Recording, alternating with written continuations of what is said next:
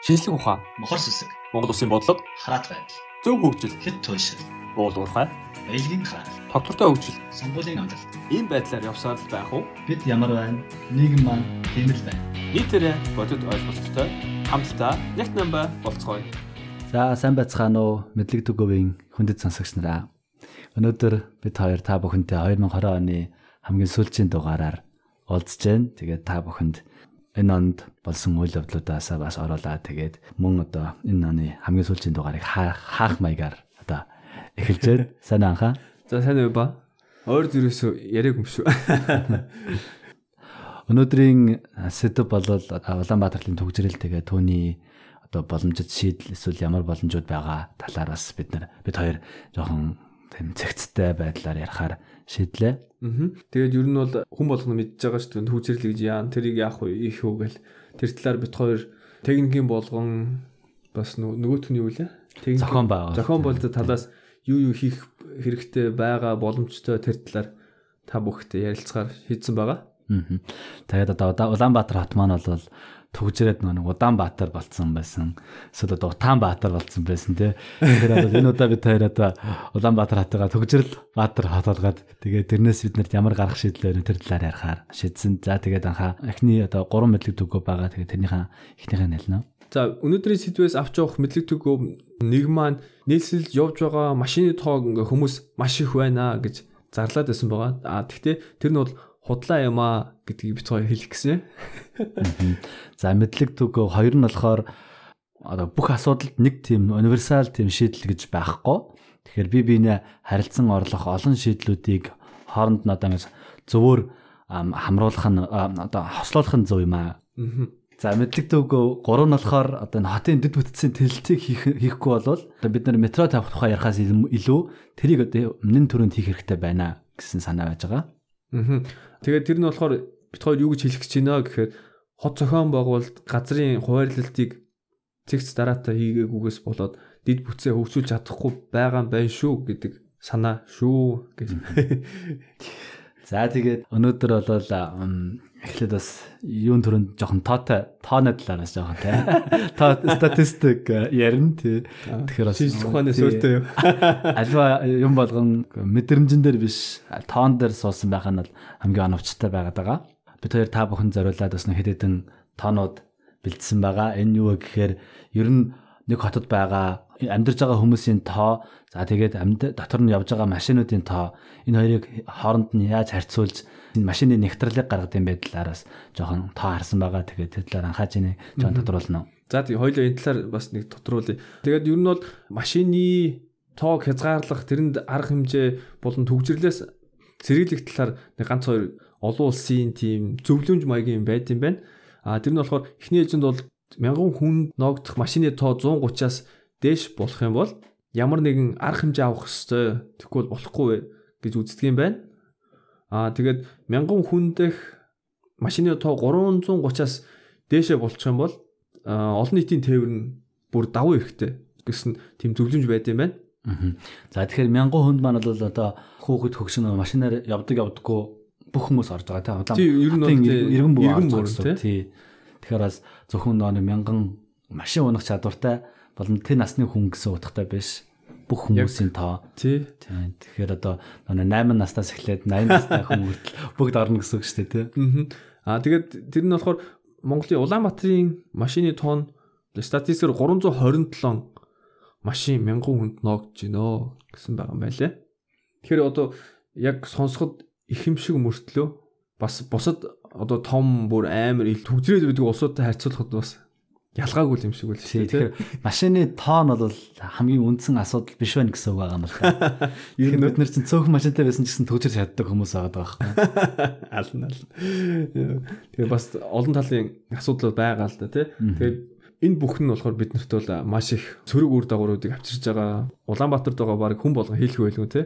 Цаг алдчихээн. Төгжрэлээс болоод ямар их цаг алддаггүй, ямар одоо уур уцаар стресс болдоггүй тий. Тэгэхээр тэр их хайрын цагийг одоо өдөр үеийн машинаар төвжил багтаа авах юм бол нэг 30 минут яваад очичдаг газар төвжлээс болоод 2 цаг явах ч юм уу тий. Тэгээд хайрын цаг 30 минут тэр цаг 30 минутыг бид нар ар гэрийнхэнтэйгээ сайхан өнгөрүүлж болно. Ажил дээр ажил хийгээд их орноо хөгжүүлэх боломж байна. Эсвэл одоо юу гэдэг шин нээлт хийх тийм их боломжтой хугацаанд цаг хугацааг зүгээр машин дотор ингээд өнгөрөөж байгаа нь болохоор одоо бидний орчин үеийн бүтэмжиндээ суурилсан нийгэмд бол одоо тохирохгүй зураг байж байгаа. Тэгэхээр Улаанбаатарт одоо юу гэдэг өдөрт 300 мянган машин явдаг гэх юм бол 300 мянган хүн хайрын цагаа тэнд ингээд зүгээр машин дотор суугаад өнгөрөөж байгаа. Тэр бол маш их алдагдал. Тэр цагийг тэр бол бидний эдийн засгийн нөө бүтэмжид ч гэсэн сөргөнөлөх боломжтой тийм их тав байж байгаа. Тийм шүү. Тэгээд хүмүүс гайхчих жоо бас нэр бусад улсуудыг харьцуул хотуудыг харьцуулъя гэж нэр хэлсэн байж тээ. Тэгэхээр чи одоо энэ жишээл Мюнхен гэдэг нэг хот байна. Тэр нь бол амар хүн амтай. Нилээн том. Тэгээд тэр нь мянган хүнд ногдох машины тоон 392. Тэр нь болохоор баг Монголоос их байгаа байхгүй. Улаанбаатараас их байгаа байхгүй. Улаанбаатарын машины тооноос тий. Тэгээ Берлинд бас мянган хүнд ногдох машины тоон 390 гэж байгаа байхгүй.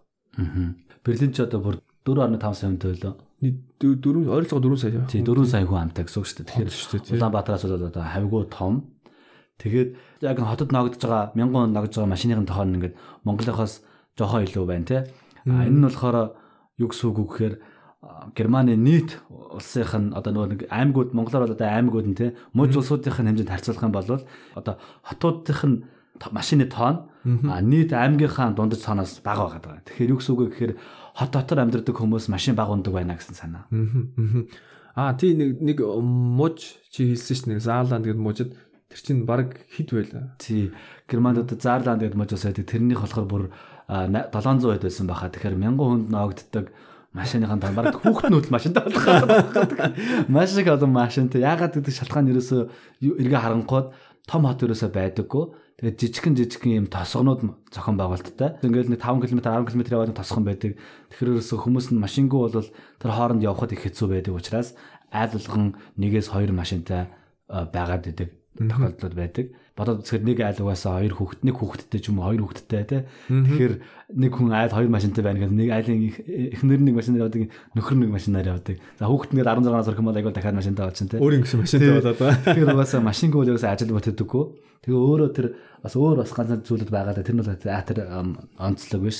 Тэр бол ер нь дэд бүтцийн хөгжил нь бол тэр хүмүүсийн машины тоонд бол шууд нөлөөлж байгааг хэлхийг хүсэж байгаа энэ угаар. Аа Тэгэд гол нь Улаанбаатар маань их машинтайдаа биш манах дид бүтцээ хөгжүүлээг өгөх чинь хаашаа яг гоо тэрэндээ таарсан арга хэмжээ авч чадаагүй байгаа юм байна л гэсэн санаа тий хоёулаа. Тий. Одоо энэ Берлин дээр жишээ авах чинь Берлинд одоо ингэ 300 мянган хүнд ногдох машин 390 байна гэдэг шүү дээ тий. Энэ харьцангуй бага байна гэдэг.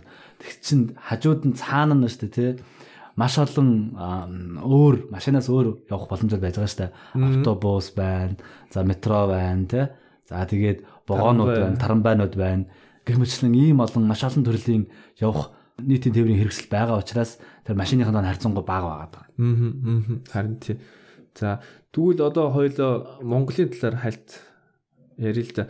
Одоо одоо хүртэл Монголд яг энэний эсрэг ямар ямар арга хэмжээ авсан талаар тий ба. Аа.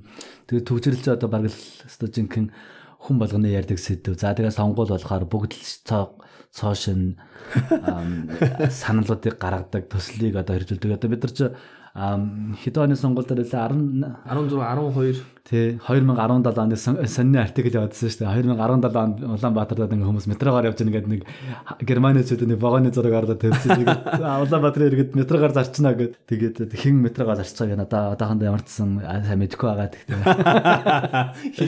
тий тэгээд бас янз бүрийн энэ тоо цаашилсантай метроны шав тавьсан энэ асуудлууд бас байгаад байгаа Тийш нэрээ тий. Тэр хүмүүс ажлынхаа явцын талаараас тайлан мэдээгээ өгөхгүй байгаа би бас жоохон гайхалтай байна. Тийм тэрнээс гадна бас яг одоо ажил хэрэг болцсон зөндөө олон зүйлүүд бас байгаа. Тэгэхээр бол бид нар бол муудаад байгаа юм бол өрөөсөө байхгүй гол нь өөрчлөлт хийх үедсээр дөрвтэй тэгээд нэгдсэн одоо шолуудсан арга хэмжээ авч чадахгүй байгаа гэл би энд онцлмаар байгаа. Тэгэхээр бол одоо годомж төсөл гэж жишээлх юм бол энэ дэр одоо маш олон уулзууруудыг засч янзалж одоо нэвтрэх чадварыг нь сайжруулсан байгаа. Энэ маань бол шууд одоо ингээд төвжирлийг байхгүй болгох ч гэсэн төвжирэл байхгүй болоход одоо хүмүүсийн машины урсгал сайжрахад бол томоох нь нөлөө үзүүлж авах жишээтэй. За мөн одоо энэ машины дугаар хязгаарладаг болсныг бол одоо хүн болгон Улаанбаатар хэрэгэн болгоо маш сайн мэдж байгаа хэрэг. Тэгэхээр дугаар хязгаараснаар бол энэ бол техник юм биш энэ бол ерөнхийдөө Зохион байгуулалт. зохион байгуулалтын шинжтэй арга хэмжээ тэгэхээр ингэснээр бол төр зур богино хугацаанд бол а, нөлөөлөө үзүүлнэ. Тэгэхээр урт хугацаанд бол а, дөрөвтэй нөлөөлөл үзүүлж чадахгүй байх гэж би бол таамаглаж байна.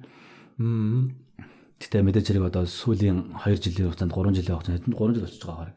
Тэгэхээр бас нэлээд хүмүүсийн одоо амьдралд нь бас түжирлийг тодорхой хэмжээгээр одоо нэг зарцуулах цагийн тодорхой хэмжээ багасгасан. А нөгөө талаараа эргээд нөгөө дугаар нь гарч чадахгүй байгаа хүмүүс чинь бас Хоёр дахь машин аваад байгаа юм шиг байна. тий хоёр дахь машин аавна зарим нь ажилдаа явж чадахгүйгаас болоод ингээд дараагийн өдөр нь дахиад ингээд төгж ирэх юм уу тий. Тэгэхээр бол бүр урт хугацаанд бол үр дүнтэй биш гэсэн орцсон богино хугацаанд бол хэмжээ олсон. За машины импортын татвар дээр бас ажиллаж байгаа. Татвар нэмэгдсэн. Тэгэхээр бас юу яаж байгаа өөрчлөлт орж байгаа хүмүүс бас татвар машин авах нь үнэтэй болоод байгаа гэсэн үг шүү дээ тий. Энэ нэг бодлын хүмүүсийг одоо машин авах үнэтэй болгож байсан нөгөө бодлоор бас машин авахгүйгээр өөр ямар боломжууд байныг судлахад хүргэж байгаа. Тэгэхээр хамгийн хүчтэй зэвсэг маань ерөнхийдөө бол хүний төрөвч байдаг. Тэгэхээр тэр төрөвчсөнтэй ингэж яриад ирэхээр бас аяндаа өөрчлөлт гардаг одоо торгуул бай тээ эсвэл одоо юмнууд үн нэмэгдэх байдаг. Тэрнэрээсөө чөлөө зах зээлийн бараа бүтээгдэхүүнийг одоо энийг энийг авч болохгүй ингэж хорихгүй зүгээр л та хэрвээ хүсэх юм бол үнэхээр хүсэх юм бол авч болно а гол нь илүү мөнгөлөх хэрэгтэй бай. Одоо тэгэхээр одоо юу гэдэг 3 жилийн дараа буруу өрөөлтэй машиныг одоо оруулахгүй гэж хориг тавихаас илүү та хэрвээ өсөх юм бол унж болно. А гэхдээ та одоо юу гэдэг зүгээр машин 10% татвар төлдөг байх юм бол та 30%, 40% татвар төлнө. Мм. Ингээд өгчих юм бол аяанда тэр чинь ингээд зээлээс ингээд хүмүүс өөрөө гарч байгаа байхгүй. А тэгэхгүй ингээд шууд ингээд болохгүй ингээд хаажанхууд чинь нөгөө нэг хүний эрхийг зөвшөөрдөг байхгүй. Ер нь бол ингээд нэг чөлөөт зах зээлийн тэр юмыг ингээд хуучны аргаар ингээд шийдэх гэдэг нь буруу болоод байгаа. Тэгэхээр тэрийг ингээд зөв татвараар ингээд шийдэж өгч байгаа. Та эсвэл танд тийм машин байна ба та надхаа уун одоо 3 жил та ингээд чөлөөтэй магадгүй 5 3 4 дэх жилээс нэхлээд та одоо жилийн нөгөө нэг автобусаар орохдоо ийм ийм ийм татвар төлнө. Та- илүү тий төлдөг бол. тий нэмэлт татвар төлнө, нэмэлт төлбөр төлнө. Ингээд ихээр аяанда нөгөө хүн заа зарна. Буруу уралдаан машин унахаа болчих гэдэг юм эсвэл одоо ийм их хортой хий гаргадаг машин унахаа болио гэдэг тийм шийдэл төрнө шүү дээ. Аяанда. Тэгэхээр тэр хүнд нөгөө хаагаад өгч нь хориглолчин гэдэг нь өөрөө айгу онцгүй очдөг. Тэгэхээр та болноо. Тэгтээ ийм ийм татвар төлнө гэдэг ийм зарчмаар явах юм бол бас үрдэн авчрах юм бол чадаад байгаа. За тэрнээс гадна бас чи сонссон байх а, Монголд зөндөө олон метроны төсөл гарч ирсэн. Мөн одоо энэ Rail Bus гэдэг вагоны талаараа сонсч ирсэн баг тийм. Тий зүгээр л э, хальт одоо юу гэмтэй тийм галт тэрэг хотын захаас хотын төв рүү аваачдаг тийм жоохон хурдан унаа Чи энд одоо S бан гэдэг шүү дээ тий том том. ба нэг одоо ма- манайхаар бол метро л юм да тий ер нь бол тэгээс үлд нь сонсогдохой байсан тийм бодвол хэрэглэхээ болцсон юм хаашаа Чи бас л яг тэр дэд үтсээс л болсон юм санагдсан. Ягаад нөгөө нэг вагоны зам маань ганцхан одоо игнэ замтай.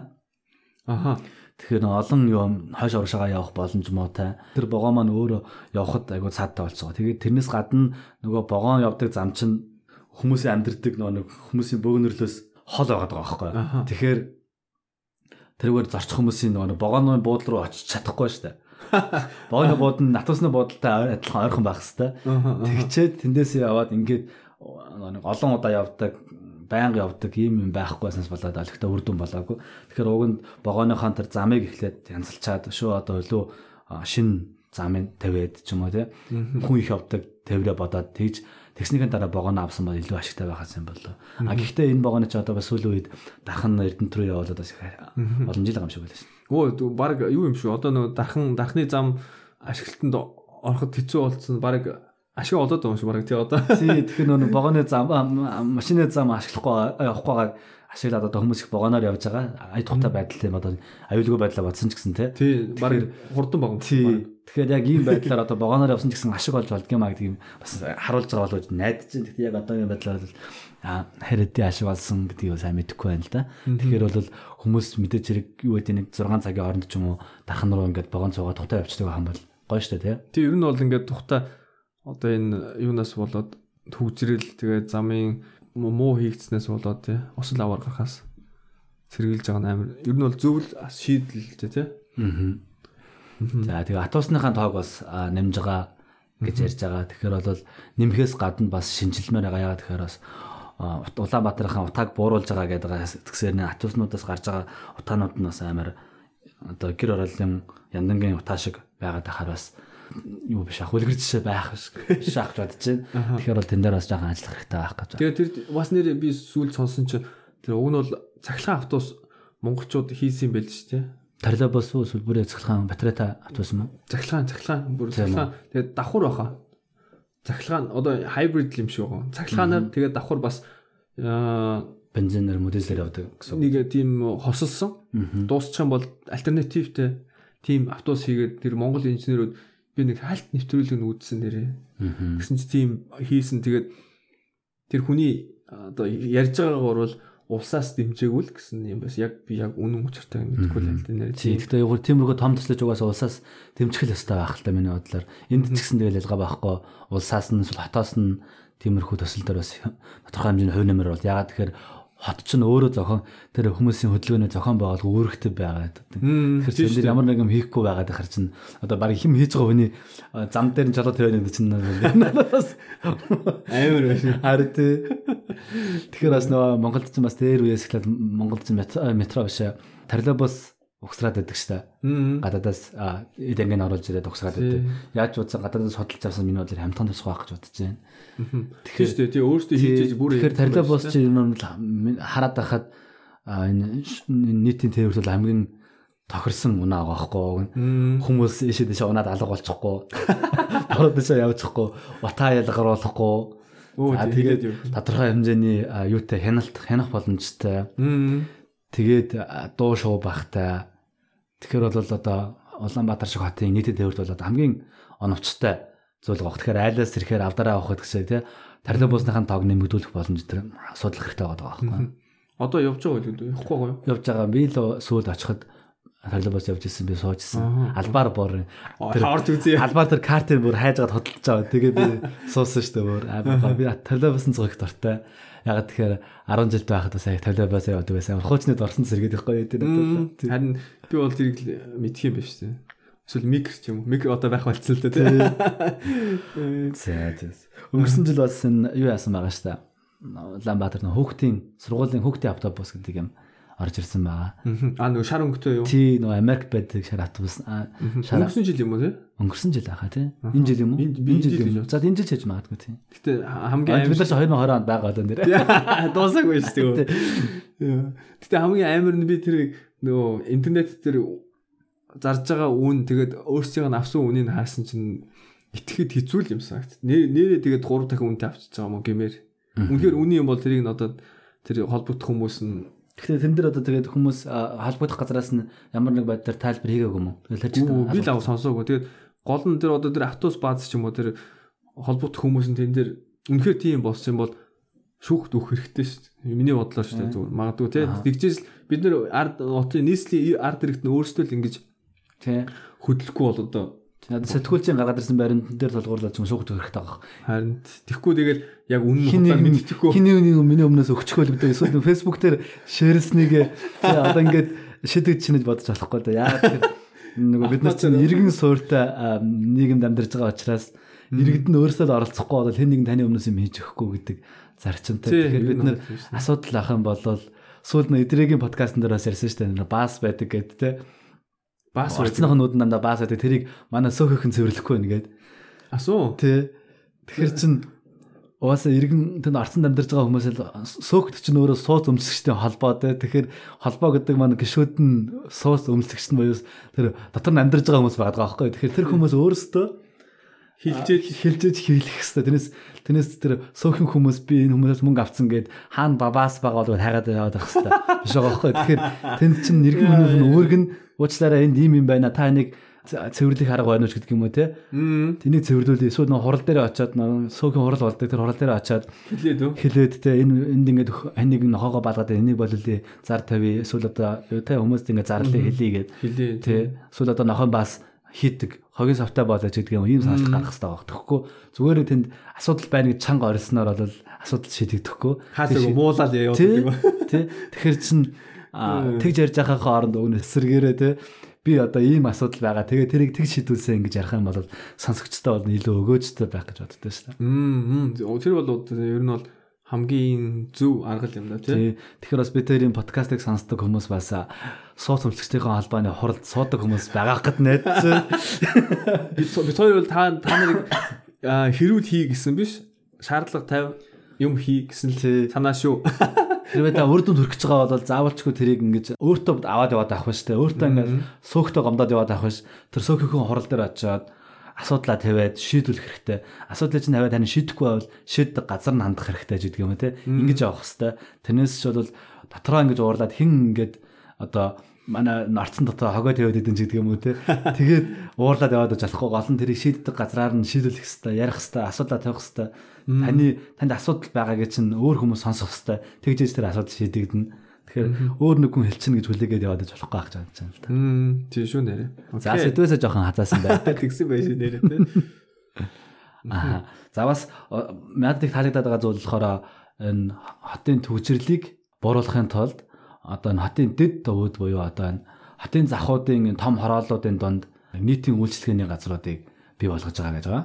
Тэгэхээр одоо кино театр ч гэдэг юм уу, томоохон дэлгүүрүүд ч гэдэг юм уу те. Эсвэл одоо хоол унд идэх боломжтой газрууд Аа зөв зөв. бий болж байгаа гэж байхгүй одоо жишээлх юм бол баян хошуунд ч гэдэг юм уу те. Эсвэл уляастад ч гэдэг юм уу, эсвэл одоо нисгт ч гэдэг юм уу. Ингээд ийм ийм хүн одоо нэг атайхан хоол идэхин тулд заавалчгүй хотын төв бүр багшийн дээд талбай яваад ах шаардлага байхгүй.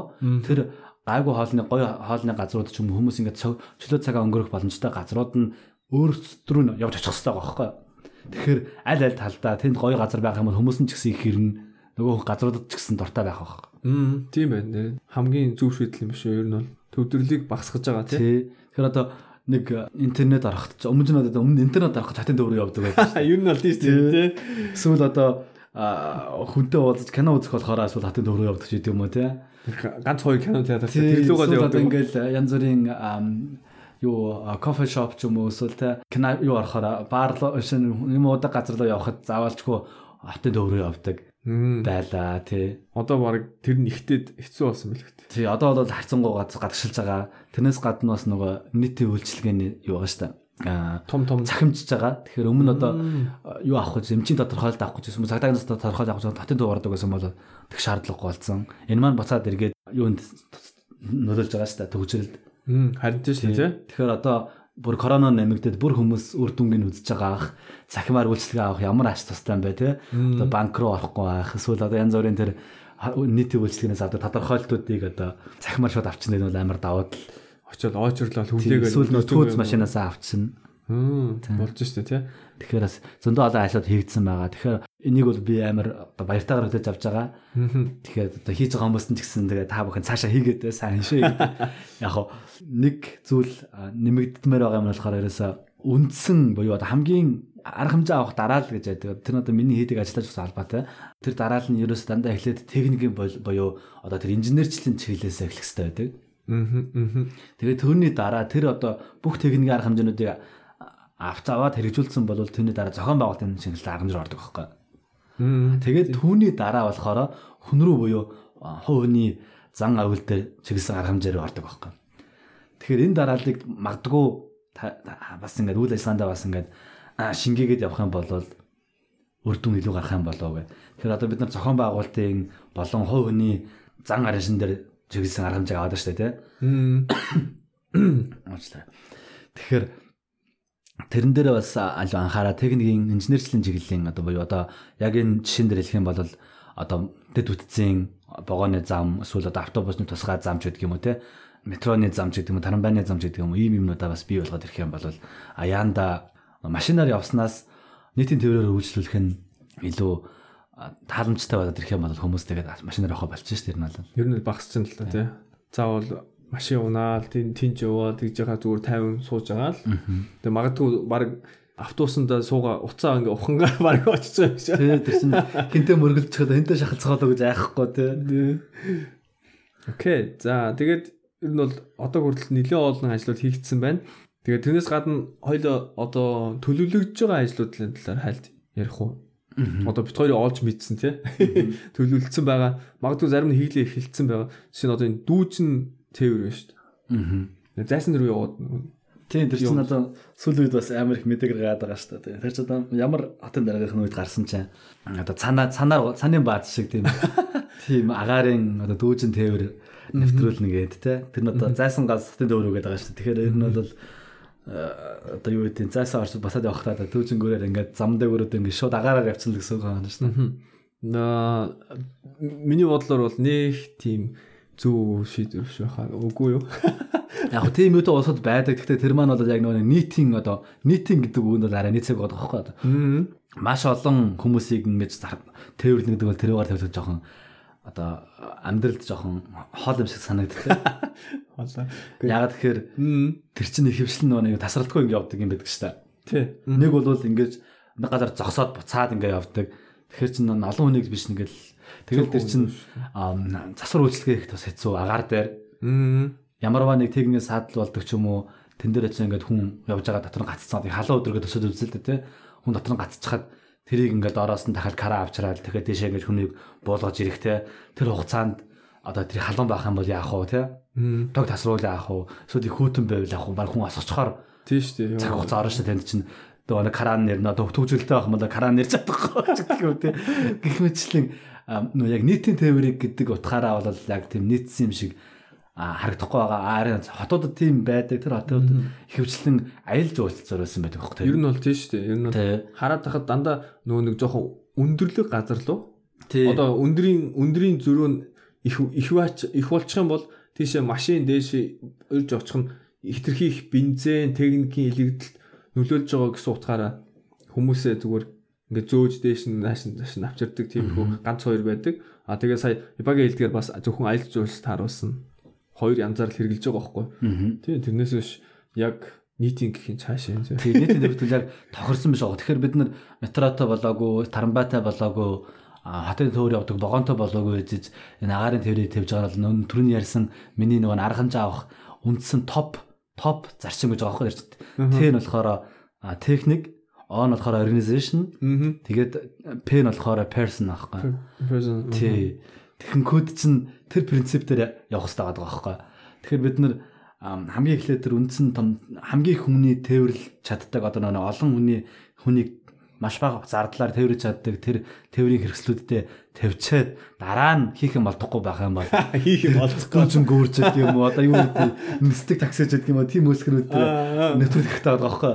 Тэгэхгүй үндсэн юм хийгээгүй байж одоо юу гэдэг амар олон жил одоо мөр 100 жил 200 жилийн нийтэд төвний хөгжсөн улсуудаас оо ийм гоё юм байт юм байна штэ гэдээ аваад тэр улсуудын өмнө ямар олон арга хэмжээ хэрэгжүүлсэнийг бид нар хараагүй байгаад байгаа. Тэгэхээр бас тэрэн дээр бас бодлох зүйл байгаад байгаа. Тэрийг энэ бит хоёр өнгөрсөн сэдвэр бас ярьсан шүү тий. Ямар нэг юм хуул будлах биш. Тий ойлгох хэрэгтэй. Ойлгох хэрэгтэй гэдэг тий. Тэр талаас Бас нэг зүйл нь болохоор нэ асуудлаа сайн харах хэрэгтэй. Шийдэл хайж гол асуудлаа сайн боловсруул, асуудлаа сайн шинжилсэн байх хэрэгтэй. Тэгэхэд асуудлаа шинжилчих юм аяндаа нөгөө шийдэл нь дотор нь байж байгаа байхгүй. Тэрнээсээ ургаад Тий ургаад гарч ирж байдаг. Тэрнээс одоо Монгол асуудал Франц шийдэл ч юм уу тий. Эсвэл одоо Монгол асуудал Герман шийдэл гэж байхгүй байхгүй. Тэр Герман шийдэл бол Герман асуудал байдаг. Тий. Тэгэхээр аль нэг газраас шууд ингээд шийдлийг шууд авчираад автоматар ингээд чихээд хүчээр ингээд тааруулах гээд байх нь бол тохиромжгүй. А харин өөрсдийнхөө асуудлыг шинжилээд ягаад тэгэхээр бид нар чинь өмнө ярьсандаа бас өмнө бид нар германчуудаас шал өөр сэтгэдэг бидний амьдралын хэв маяг өөр. Тэгэхээр герман шийдэл бид нарт яг тохирохгүй байхгүй 100%. Ер нь бол тийм шүү дээ. Яг яг герман хүн шиг болчих юм бол хамаагүй л ах. Тий яг бид нар герман хүмүүс шиг боддог, герман хүмүүс шиг одоо ингээд туул юм туулаад ирсэн герман хүн шиг сэтгэдэг байх юм бол тохирно. Мм. Тий. Хуу хүний хөгжлийн эсвэл нөө чиг хандлага, үзэл бодол нь өөрчлөж байна. Тий. Тэгээд одоо улсаа санхүүжүүлээд улсын одоо нийтийн тээвэр болох юм уу эсвэл хувийн компани хийчээд өндөр үнээр хувь хүмүүс хувийн компани тэрийн дээр ашиг олох юм уу гэдэг нь бас тодорхойгүй байгаад байгаа. Яг тэр талаар юус ярихгүй байгаа байхгүй. Тэгэхээр миний бодлоор муугар бодох юм бол тэр одоо хувийн компани тавьчаад амар одоо үнэтэй нөгөө нэг зөвхөн баян хүмүүс нь суудаг. Тийм үү? Унаа болчих магадлал өндөр байгаа байхгүй. Тэгэхээр нийтийн тээвэр гэдэг утгыг алдчихж байгаа байхгүй. Тэгэхээр тэрийг тэрвээ тийм биш бол тэрийг анханаас нь хэлээд энэ нийтийн тээвэр биш ээ. Тэ нийт нийт зөвлөсөн биш зөвхөн баячууд зориулсан юм а гэдгээ хэлчих хэрэгтэй байгаа байхгүй. Тийм бол хүмүүс угаасаа өөр юм бонд бодож санаа тавьж эхлэв шүү дээ. Яг мө- өөртөө мөнгө төлөөд төлөх чадвартай тийм хүмүүсийг зөөх гэж байгаа ч юм уу тий. Тэ тэ одоо энэ үнэн юу вэ? Одоо үнэн а, талбайгаас одоо юу ороход зайсаа ороход юу гэдгийг 100000 төгрөгийн үнэтэй байна. Тэ тэрийг эртгийн хэлчих юм бол угаасаа өөртөөхөн захиргаанаас өөрсдөө за тэрэнд энэ нүүн энэ 100000 төгрөгийг төлж чадахгүй хүмүүст одоо бид нар ямар сонголт байх вэ гэдгийг нь бодох хэрэгтэй байгаа. Мм. Тийм шүү нэрэ. Окей, за тэрнээс гадна Тэнгэрийн зам гэдээ бас байна шүү дээ. Тэнгэрийн зам төсөлгээд. Энэ одоо яг батлагдсан юм уу юм. Одоо энэ дүүжингөр чинь баг батлагдсан юм шүү. Миний ойлгож байгаа нь бол тэгээ явж байгаа баг бүр батлаад хийх нь тодорхой болчихсон. тий дүүжин гүйч нөө Францын компани гэдэг ярьсан баха. Тэгээ хамгийн би тэр нөгөө хальт нийтлэлийг уншсан одоо тэрний талаар бичсэн хүмүүсийн тэгээ тэн дээр болохоор Германаас инженерүүд очиж танилцсан бэлсэн гэж бичсэн байлаа. Тэгээ би уншсан. дүүжин гүр дээр эсвэл тэнгэрийн зам дээр Оо нэр алин дээр нь бол би буруу санааг бол дүүжин гүр дээр байх. дүүжин гүр дээр юм уу тий. Тийм тэгээ би ингээ хамгийн гол нь тэн дээр яг хин гэдэг хүн яасан мэддэггүй зүгээр нэмээ бичсэн болохоор би жоохон сонир санагдсан гэх юм. Аа. Тодорхой биш зүгээр л Зүгээр л германаас гөрсөн гэ. Нэг герман чанар гэдгийг л зүгээр л наахын тулд тэгсэн биш үү тий. ань мэдхгүйгээ тэгээ гайхаал тэр хин нөөцсөн тодорхойгүй зүгээр Хаанаас хэн атсан гэдэг Тийм. тодорхой байхгүй болохоор. хаанаас юу болоод тийм жоохон их сурвалжийг гаргаж авахд амар хэцүү санагдсан тий. Харин тий. Тэгээ бичээгүй нийт чинь бас өөрөө нот юм биш. Тий. За тэр тэнгэрийн замыг бол уг нь бол байж болох юм. Гэхдээ яг хамгийн зөв шийдэл мөн үү гэхэд бол бас Тэгэхээр тэнгэрийн зам чинь дандаа замын дээгүүр тавигдахад болохоор одоо үн өртгөө хувьд одоо нэлээл одоо төмөр зам тавихад ямар ч нэлээл үнэтэй л авч удаж тий. аа төмөр зам тавихаас уу? Баг ойролцоо очих юм болов яг л чинь зөвхөн нэг хідэн бетон гүсэрч тавиал. Хідэн багнуу тавиа тэгэл хооронд нь бетон гүсраал одоо Тэр замдаа бүр зам тавина гэдэг гэсэн үг шүү дээ. давхар зам тавих гэдэг. Тэгэхээр уг нь бол хотын төвийн тэр том ном зам чинь нэлээ өргөн шүү дээ. Тэр одоо хотын төвөр яг байшингуудын хаажгаар тийм мөндөр зам тавих нь хот хөжилтийн талд ямар тэр талаар одоо тэнд амьдардаг хүнээс нь асуусан юм уу?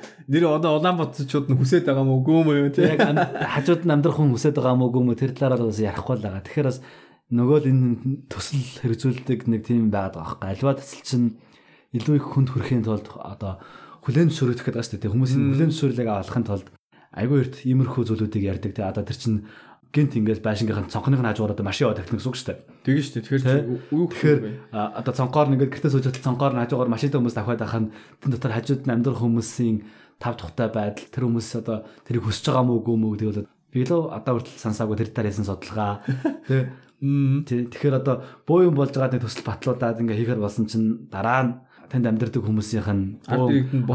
эсэргүүцээд эсэргүүцээд эсэргүүцээд толгойлох толгойх магадлал их өндөр ягаад гэхээр энэ маань уусаа ингээд хөгжсөн одоо хотцсон нийгэмд одоо энэ улсуудад ерөөсө байнга байдаг зүйл альва нэг юм арга хэмжээ авах юм бол төлөвлөлтөө заавалчгүй тэр хажууд нь амьдарч байгаа тэр тэр төслийн нөлөөлөлд өртөж байгаа багтж байгаа хүн болгоноос тэр хүмүүсийн асуудлыг нь асуух хэрэгтэй ямар юм санаа зовж байгаа ямар юм хүсэж байгаа юу байвал ямар шийдэл тэр хүмүүст байгаа тэр болгоныг сонсож тэрэн дээр бүр менеж менежмент хийх хэрэгтэй байдаг байхгүй. Тэгэхгүй бол дандаа төсөл эхэлсэний дараа төсөл ингээд эхлэхээс өмнө бол хүн янз бүрийн оруулж болдог тий. А эхэлсэн дараа төсөл явахгүй болоод нөгөө эсэргүүцээд ингээд ингэх юм бол амар их мөнгө одоо зарцуулагддаг маш их мөнгө урсах болдог. Ягаад тэгэхээр нөгөө төсөл хэрэгжих болчиход нөгөө ингээд явчаад идэг ажил нь явахгүй байгаа тий. Ингээд нөгөө төсөл нь хоош тогтч байдаг юм ингээд маш ноцтой байдал үүсдэг. Тэгэл нөгөө мань мань мань мити татварын мөнгийг зүгээр ингээл хийсгэж байгаа шүү дээ. Тэгэхээр анханасаа яг хаагуур төлөвлөж байгаа гэдэг зураг зураад үзүүлээд тэр хажууд нь амьдарч байгаа хүмүүс болон одоо тэрийн тэрнтэй холбоотой ямар давуу талууд үүсэх юм ямар сул тал үүсхийг би ярмаар байгаа байхгүй. Одоо жишээлх юм бол Улаанбаатар чинь замынх нь хажуугаар замынх нь доогуур маш их шугам хоолойнож явдаг тий. Мм тийм шүү дээ. Тэгэхээр тэр нэг баг нь барьцдаг маргааш нь шугам хоолой задарсан чинь нөгөө багныхаа доор шугам хоолой задарчих юм бол нэг хятаах юм болохгүй л ах тий. Тэр мэдрийг хүртэл төлөх хэрэгтэй байгаа шүү дээ. Тэр хаагур шугам хоолой явж байгаа хаагур тэр бахаан багнаа барил хамгийн тохиромжтой. За тэр нь буцаад эргээд нөгөө нэг хотын өнгө үзэмжинд яаж нөлөөлөх вэ? Тэр гүүр нэг атар барбаасан харын байх юм уу? Эсвэл их гоё загвартай бас нэг тийм хүн харахад хотын өнгө үзэмжийг нэмэгдүүлсэн байх юм уу те? Гял гялцал байх хэрэгтэй мөн. Тэгэхээр бас тэр болгоныг ингэж ярихгүй зүгээр нэг харанхуй л юм яриад байдаг те. Тэнгэрийн гүрэл байгаа л гэж яриад байдаг. Ерөөсөө яг юу болох юм? Ерөөсөө ярьдаггүй бас. Энэ Нээлттэй. Нээлттэй биш аа. Мэдээлэл хүмүүс хүртээмжтэй биш байгаа гэдэг. Одоо юу гэдэг ингээд Улаанбаатарт нэг жижигхэн офис нэгээл сонирхсан хүмүүс ирж үздэг те. Ямар төсөл болох юм, хаагуур явах юм, ямар үнэтэй байх юм, хожим нь одоо нэг баахан гүүр барьцдаг, баахан зам барьцдаг. Тэрийг одоо ямар хүмүүс тэр үйлчлэгээ хийхийг засвархыг засах юм те. Тэгэхгүй тэгээд нэг гүүр барьчаад засах юм байхгүй. Тэгээд засах юм нь улсд үлддэг. Улс болохоор ерөөсөө Мөнгө байхгүй. мөнгө байхгүй, засах чадвартай хүн байхгүйгээр гүрээгээд байдаг те. Ийм асуудлаас амирх гардаг. бараг тэгээ сүултээ нөгөө балгас болоо явчихдаг. Тэгэл нөгөө хинч яахгүй одоо 10 жилдээ хийсэн компани магадгүй ашиг аваад гараа явцдаг 10 жилийн дараа нэг нурж унах цагаа нэг гүртэ үлдчихэд нэг концессор ч юм уу те. Тэгэх юм бол одоо ямар хэрэг байх вэ те. Тэгэхээр альва шин төсөл ч юм альва нэг юм хийхдээ хин тэрний засвар үйлчлэг одоо жишээлх юм бол хамгийн чинь тэр гэдэг дээ хогийн сав байдаг аахгүй. Ингээл айгүй олон компаниуд ингээ сайн дурын ч юм уу сайн нийгмийн хариуцлага өрөөнд хогийн сав байршууллаа гэдэг Тэгээд тэр хогийн саваа байршуулчингуудаа нөгөө дотор нь хийсэн хогийг хэн аваач хаяхын тэр хэн бүрэн бүтэн байдлыг ханхын ерөөс хинч боддгоо байхгүй. Тэгээ байж л яддаг уу. Тэгээд Тэгээд дүүрээ нэг гой хогийн сав байгуулаад төвчтэй. Тэгээд хогын дүүрэл хажууд нь хог аваалал ингээд хогийн сав төвцөн ч хүн маань хогин хогийн сав байдаг яваад очдог. Дүүр нь хогин дүүр маань хажууд нь тавиа явчихдаг.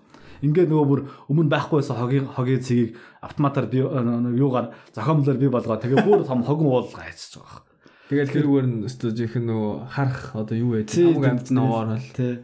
Тэгэхээр дандаа тэрний үйлчлэгийг нь хэн хийх нь ерөөсө тодорхойгүй байдаг. Энэ нөгөө хамгийн хүмүүсийн хийх дургүй ажил таахгүй. Туу цаачлах ч юм уу эсвэл ингээл сонингоор ингээл гоё бичигдэхтэй хүн болгонд дуртай. Тэ. Харин тэр үйлчлэгийг дараа нь харагддаггүй хүний сүнүүдэнд харагддаггүй юм хийх хүн олдоос олддоггүй тал байдаг. Тэрийг бол нэр анхаарахгүй болохгүй л дээ. За тэр яг хоёулаа тэр хот агчлалын дараа тэр талаар бол хоёулаа дараа дараагийн подкастт дугаар ярина ярина тий. Тэрийг бүр хамаагүй яаж болохгүй. Тэр талаар хамаагүй яаж болохгүй гэсэн.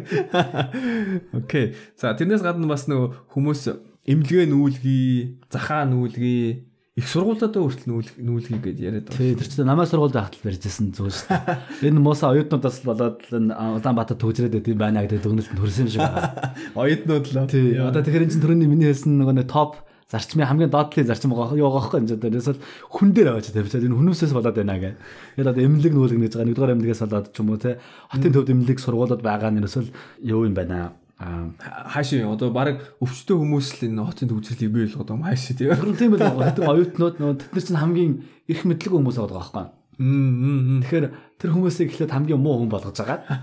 Тэгээд Улаанбаатар сууж гарах гэдэг байгаа байхгүй. Ална аль. Тэгэхээр яг суур судалгаатай те за хэрвээ одоо ингээд шинжлэх ухааны технологийн сургууль Монгол Улсын сургууль одоо оюутнууд их байдаг тэр байрууд нь ингээд нүгэ гарчих юм бол яг хэдэн хувиар төвчрөл болох гэдэг байгаа. Тэ? За ингээд бодоод үзэлтэн. Бүү юм болол нүүлгсэж бодол ингээд Улаанбаатарын гадаа гой сургууль кампус момбос ураад амар гоё ирсэж одоо. Тий, тий. Тэгээ гаргасан чинь Улаанбаатарын төвчрөл байхгүй болохгүй. Байсаар л байх юм бол хин хариуцлах вэ? Тэ? Яг хэдэн хувиар буурахын тэргээ ерөөсө бодохгүй зүгээр л ингээд хэсэгчилсэн ингээд арга хэмжээ аваад чинь сэглээд байгаа байхгүй. Ер нь бол шүү дээ. Тэгэхээр анханасаа тооцоо хийгээ тэрийг ерөөсө маш нарийн одоо юу гэдэг төлөвлөх ёстой л. төлөвлөөд тэрнийхэн дагуу ингээд ажиллах юм бол тооцоо окей шүү дээ. Хэн ч гэсэн дэмжин шүү дээ. Тэгэхгүй ингээд нийгмиг дотор нь ингэж хуваагдуулаад хуваагаад оюутнууд болон энэ эмнэлэгт ирж байгаа хүмүүс л хамгийн муу хүмүүс юм байна. Эднэр л бидний төвжирлийг бий болгоод байгаа. Тэгэхээр цаана нэг юм байгаа байхгүй. Тэд нар чинь ихэнх нь нөгөө нэг тал нь орон нутгаас ирж байгаа шүү дээ. Ер нь үгүй шүү дээ тий. Улаанбаатар ирж байгаа хүмүүс чинь бас дахиад тал нь орон нутг хүмүүс авах. Тэгэхээр цаад санаа нэрээс гадаад гарахаар бид нар чинь арьс өгний үзэл ордтой адилхан. Улаанбаатар Монгол дотроо юм жижигхэн хотын хөдөөнийх гэдэг нэг хоёр анги үсэх гэдэг ингээд үзээд тэгэрээс тэрийг ингээд нэг өөрсдөө хотын ингээд нэрлсэн хүмүүс тэрийг бүр ингээд баян ингээд юу яадаг тэрийг ингээд гаргаж яадаг ярьж яадаг тэр нь зарим хүмүүсийг таалагддаг юм шиг байгаа тэгэхээр ясамдор л адилхан л хүн адилхан хүмүүс байгаа байхгүй тэр нь ерөөс ялгаа байгаа байхгүй нэг хотер гэл нэг амар соёлтой нэг амар тэр соёлоо соёлын одоо би соёлтой хүн гэдэг тийм үнэлэхтэй хүмүүс би л харахгүй л байгаа ялгаалаа авахгүй адилхан нэг хот амьдарч байгаа хүмүүс нэг хүн харах хэрэгтэй байгаа байхгүй. Тэгэхгүй ингээд өөрсдөө ингээд дотор нь хоёр хуваачингууд хоёр анги үсгээд тэгээд нэгийгээ муу нэгийгээ сайн гэж ангилаад шаардлага байхгүй байгаа. Тэр бол жоохон онцгой юм болоод байгаа юм та. Окей. Тэгээд орк марк гэж нэрлээд тий. Тийм шүү дээ. Эсвэл би өөрөө нөгөө нэг хөдөөнөөс ирсэн хүн болохоор орк болохоор тэрийг сайн ойлгохгүй байдаг гэж бас магадгүй тий. Гэхдээ ер нь бол би бол адилхан гэж хаардаг. Заавал нэг Улаанбаатарын иргэн болоод Улаанбаатарын өнгөтэй болсон бол тийм соёлтой автоматар соёлтой болцдог байхгүй. Харин ч тэр орон нутгаас ирж байгаа иргэдийга Улаанбаатарт одоо бид нэр ингэж ажилдсан шүү те бид нар ингэж төгчөрдөн шүү гэдгээ заагаад өгөөд те ингээд зааварчлаад өгчих хэрэгтэй байгаа байхгүй. Аа. Тийм шүү нэ. Хуу хүний одоо нийгмийн одоо гэх зохион байгуулалтын дэг жайг хаашийн юм нь бол тэрийг гарын авлага байдаг гэж болно шүү дээ. Улаанбаатарт ирэхэд одоо бид нар өмнө нь бол орон нутгад чинь их юм тодорхой байдаг шүү дээ. За захиргааны байранд очихоор бүх юм болчихсон гэдэг юм те. Монголд чинь өдөөс ирсэн орон нутгаас ирж байгаа хүмүүсийн хувьд хамгийн том асуудал чинь дүүргээ хайж болох гэдэг. Нээсэл гэдэг байгууллагууд дүүрэг гэдэг байдаг. Дүүргэн дотор хороог байгаад. Тэгэл тэр хэдэн байгууллагууд донд ингээд баян зүрх дүүрэг гэдээ очдаг. Тэр нь тэр нь 2 3 байртай байдаг ч гэдэг юм уу те. А тэр 2 3 байрынхаа нэгэн дээр очиход өөгүй чи тэн дээр очино гэж явуулцдаг ч гэдэг юм уу те. Тэгэл а Тэндээ яваад тийм яв сайсаар гадна газар атсан чинь чи хорон дээр очиж штэ гэж явуулцдаг. Хорооныхоо газрыг хагаад болдоггүй ч гэдэг юм уу. Хайган дотор хог байдаг ч юм уу те. Ингээд айгуу тийм Зохион байгуулалт зохион байгуулалтын муутай байгаад байдаг. муутай л байна Тий. тий. Тэгэхээр тэр нь анханасаа тодорхой ингээд Улаанбаатар дата амьдрах гэж ирж байгаа оюутан жишээ хойлоо мөн мэрэгсэн мэрэгс бүхэн сайхан дугаар дээр ярьжсэн шүү дээ. Тий, энэ дээр бас Улаанбаатар амьдрах гэж ирж байгаа бүтгүүлж байгаа хүн болгонд заамаа гэд гараа алгах хэрэгтэй байхгүй. Цаадаа чухал чухал юмнууд төр чин дээр нэг биччихсэн. план өгөө Тий. тий. Та эмнэлэгт явахын тулд хаагур хаагур явдаг уу? Сургууль орохын тулд хаагур хаагур явах хэрэгтэй. Одоо нөгөө нэг хогныхоо асуудлыг шийдэхэд бол хаагур явах хэрэгтэй гэх. Ингээд бүх юм бичсэн тийм гараа алга байх хэрэгтэй байгаа. Тэгэх юм бол дараа нь хотын соёлын тухай ярьж болно шүү дээ. Ер нь бол тий. Окей. За нилээн хальчгүй уу юу? Төгжрлээсээ гараа явуулсан. Хардаг шиг одоо. Окей. За ер нь бол энэ бүх асуудлыг бол бит хоёр одоо хэрэгжиж байгаа төлөвлөсөн эднийг бол бит хоёр эсэргүүцэж байгаа гэх нь цаашаа ер нь бол зөв шийдэл биш гэж үзэж байгаа талаар бит хоёр сая ярьлаа. Тэгээ одоо бол ямар техникийн боломжууд байна? Одоо бусад улсуудад юу юу хэрэгжилж? Ямар ямар техник ашиглах боломжтой ба талаар ярилцъя хоёлаа. Аа. Тэгээд айгүйх сүүлийн үед сүүлийн үед ч одоо бараг сүүлийн 20 жил бараг наав ухаагаас хойш л юу ярьж байгаа шүү дээ. Одоо Улаанбаатарт метро хэрэгтэй гээл те. Метро тий Түнэлийн шафт маа хүртэл Тий, тавиад. одоо газар даагуур явдаг чинь одоо бид нарын ойлгож байгаа метро бол газар даагуур явдаг. Юу хэлээд байгаа шүү дээ тий. Тэгэхээр тэр маань бол чи одоо мэрэгчлийн үнэ хавьд тэрийг юу яаж хардггүй. Яа, ер нь бол тэр чин маш их өртөг өндөр бүтдэг. Аа тэгээд тэрнээс гадна ингээд өртөг өндөр бүтснийхаа дараа бас а, тэр бий болсон газрууд орох бий болсон тэр нүхийг банк хянжаадаг. А тэрэнд таарсан Арчилгаа ихтэй гэсэн үг. Арчилгааны ажил их байга байхгүй. Аа тэрийг тэрэн дээр би нэг юм санаа зовдөг байхгүй. Жишээ нь намайг оюутан бахад нэг Монголоос шинэ оюутан болж ирсэн залуу намайг одоо ахлах курсын оюутан ах ах гэж асууж байгаа шүү дээ. Та ингээ юу гэж оюутлогоо ингээ зогсчлоо. Оюутлогоо одоо ингээ тэр үед тухайн үед оюутлогоо хүмүүс зогсоо хэвчээ ашиггүйгээрээ Хэдэн бүү 2012 3 онд юм окей. Тэр явцаа тэгээд ярьжсэн байхгүй. Тэгэхээр би э, тэр одоо ингээд зогсооч хорч амар их зардал гарах юм байна шүү дээ. Энийг та юу гэж энэ даалдуурах ямар их зардалтай гарах уу гэхэд тухайн үед би тухайн үед би тэрний эсрэг ингээд оюутлогыг зогсоох талд талд зогсчихсэн болохоор шууд тэр оюутанд тий ямар ямар зардал байдیں۔ Тэрийг шууд одоо тэр тэр оюутлогыг зогсоох хэрэгтэй гэд хэлжсэн байгаа байхгүй. Тэгээ би дараа нь ингээд сэтгэл хөдлөлөөрөө тэгээ хэлцэн. Аха. Тэгээ дараа нь буцаагаад хэлэх гэсэн чинь нөгөө оюутанд таараагүйч би ингээ өөрчилж овчлоо тэгээд одоо хүртэл ингээ бас санаа зовж явдаг шүү дээ. Дахиад уулзах юм бол ер нь үйлчлэгийн зардлагч нэлээх юм байд юм байлаа шүү. Байдаг шүү гэж хэлэхгүй бол тий. тий тэрнтэй адилхан тим зардлууд байгаа байхгүй юу? Энэ тиймэрхүү үйлчлэгээний.